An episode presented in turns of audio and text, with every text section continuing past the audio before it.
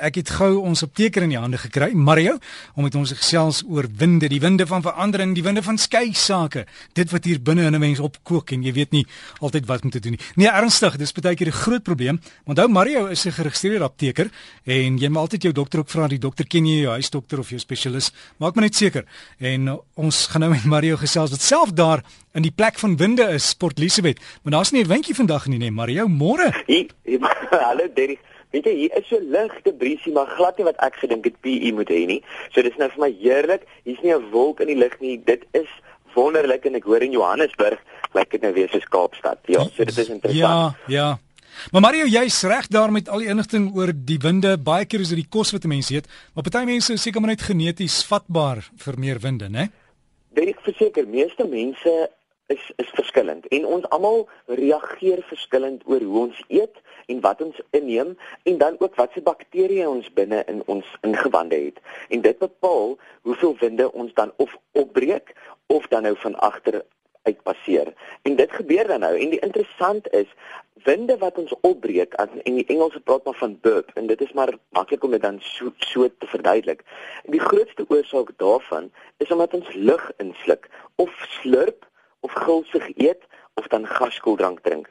Interessant ook, angs veroorsaak ook dat ons burp en dit is nogal interessant. Winde te passeer van agter is nou weer 'n ander storie. Die interessante daarvan is statistiek sê ons doen van 470 ml tot 1410 ml. Dis 1.4 liter gas oor 24 uur.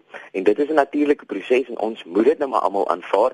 Partykeer is dit nou maar 'n skaam ding, maar gebeur dit? Ja, tot 14 keer 'n dag wil daar 'n windjie uitglip van agter. So dit is 'n normale proses. Maar nou vra mense partykeer in die apteek, maar jy, party van hierdie winde ruik dan maar verskriklik sleg en ander ruik nie weer glad nie. Hoekom ruik winde? Partykeer produseer bakterieë onverteerde reste kos wat dan in jou in jou kolon is produseer hulle en wil dit verwerk en dan skei hulle gasse af. Baie van hierdie gasse is reukloos. Maar wanneer hierdie bakterieë dit produseer en dit verwerk, produseer hulle klein sulfaatbindings en dit is hierdie sulfate wat dan so sleg ruik. Is daar iets om dit weg te vat? Nie noodwendig nie. Maar om dit te kan verbeter, is om iets soos 'n probiotika te gebruik of baie jogurt te eet. Dit kan help dat ons vriendelike bakterieë in ons ingewande sit en dit mag hierdie reuk bietjie verminder. 'n Ander ding van winde is hierdie opgeblaas voel wat ons baie keer het as ons veral Sondagmiddag groot geëet het. Hoekom voel ons so sleg? Hoekom is daai opgeblaasheid daar?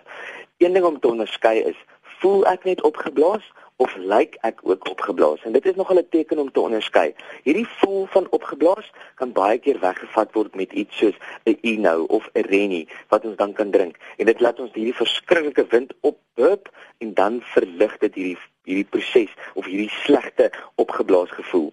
Die ander sleg is is as jy sien dat jou maag en jou buikarea verskriklik opgeswel is, dan kan daar ander redes wees en Partykeer moet ons dan dokter toe gaan om te sê, maar hierdie opgeblaasheid vir my, moet ons asseblief na kyk want iets is dalk nie reg nie. Ek probeer hierdie winde opbring, maar niks wil dit verlig nie. As daai verligting nie plaasvind nie, dan is dit goed om na 'n dokter toe te gaan. Ander ding van winde nou weer, veral winde van onder, dit kan ons maag verskriklik laat pyn en dit kan 'n wind wees wat vasgevang word. En dit behoort binne 'n dag of 2 of selfs binne 'n uur of 2 te verdwyn. As jy 'n wind het wat dan nou nie wil weggaan nie, kan dit dui op blinde darmontsteking, 'n maagseer, galstene, nierstene, divertikulitis wat 'n groot woord is vir net inflammasie van die darmkanaal en dan die sleg is, 'n wind wat vassteek kan ook soms dui op hartkwale. Kan dit altyd hierdie goeders wees? Nie noodwendig nie. Maar wanneer daar ander simptome bykom. So ons het hierdie winde wat vassit of hierdie krampe en daar is koors of bloed in die stoelgang of braaking of diarree, dan beteken dit ons moet verseker by 'n dokter uitkom. Nog 'n interessante ding wat vir ons winde gee is suikers. Suikers wat byvoorbeeld laktose is, fruktose en dan sorbitol hierdie versoeters wat ons baie keer oor ons pappe gooi of in die koffies en tees.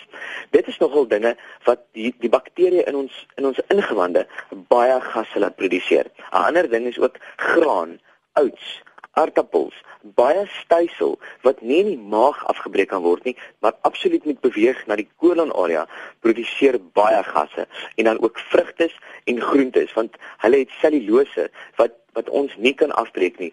Diere wat gras eet kan nie dit afbreek, maar die mens kan dit nie afbreek en dit veroorsaak dat daar baie baie winde is. So wat die belangrikste is en ek gaan dit weer herhaal, wanneer moet ons na 'n dokter toe gaan? Wanneer wind gepaard gaan met koors en pyn, moet jy onmiddellik by die dokter uitkom.